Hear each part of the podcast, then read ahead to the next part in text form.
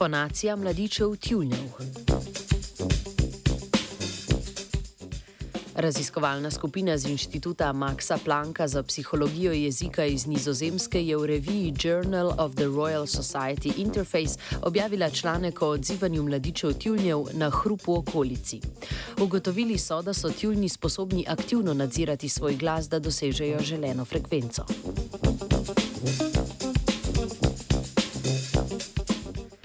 Zaradi dogajanja v okolju je lahko komunikacija otežena, tudi če poteka med pripadniki iste živalske vrste. Zato so se morali komunikacijski sistemi živali skozi evolucijo prilagoditi in omogočiti sporazumevanje tudi v neugodnih razmerah. Tako mnoge živalske vrste, tudi ljudje, zaradi zunanjega hrupa povečajo amplitudo svojih glasov, da preglasijo hrup okolice. Druge živalske vrste namesto tega spremenijo ton svojih glasov, spet tretje pa uporabljajo časovne spremembe, kot so sprememba trajanja ali pogostosti oglašanja. Bolj zahtevna oblika vokalne plastičnosti pa je sprememba frekvence. Večina živalskih vrst frekvenco glasu nenamerno spreminja skupaj z amplitudo, redkeje pa so živali sposobne na tak način načrtno nadzirati svoj vokalni aparat. Raziskavo so izvajali pri mladičih navadnega tjulna Foka Virtulina v rehabilitacijskem centru za rešene tjulne Sil Center Peterburen. Mladičem so posamično predvajali posnetke narave, predvsem vetra, v katerih je bil močno zastopan zvok s frekvenco med 250 in 500 Hz ta prekrije razpon njihovega naravnega oglašanja.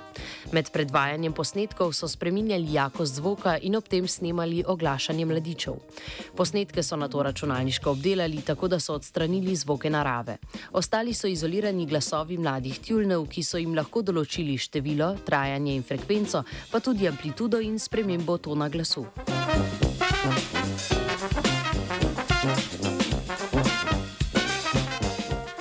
Opazili so, da hrup ni vplival na število in trajanje klicev mladih tjulnev, vendar so v odvisnosti od jakosti zunanjega zvoka spreminjali frekvenco glasov.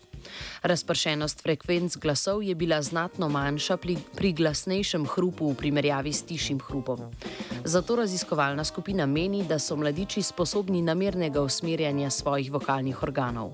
Eden izmed tjulnev pa se je obnašal še bolj podobno človeku, saj je ob glasnejšem hrupu spreminjal tudi jakost svojega glasu, kar za to živalsko vrsto ni značilno. Takšnega plastičnega glasovnega vedenja so namreč zmožni le redki sesalci. Raziskovanje v tej smeri pa nam lahko s časoma pove več o evoluciji govora in petja tudi znotraj človeške vrste.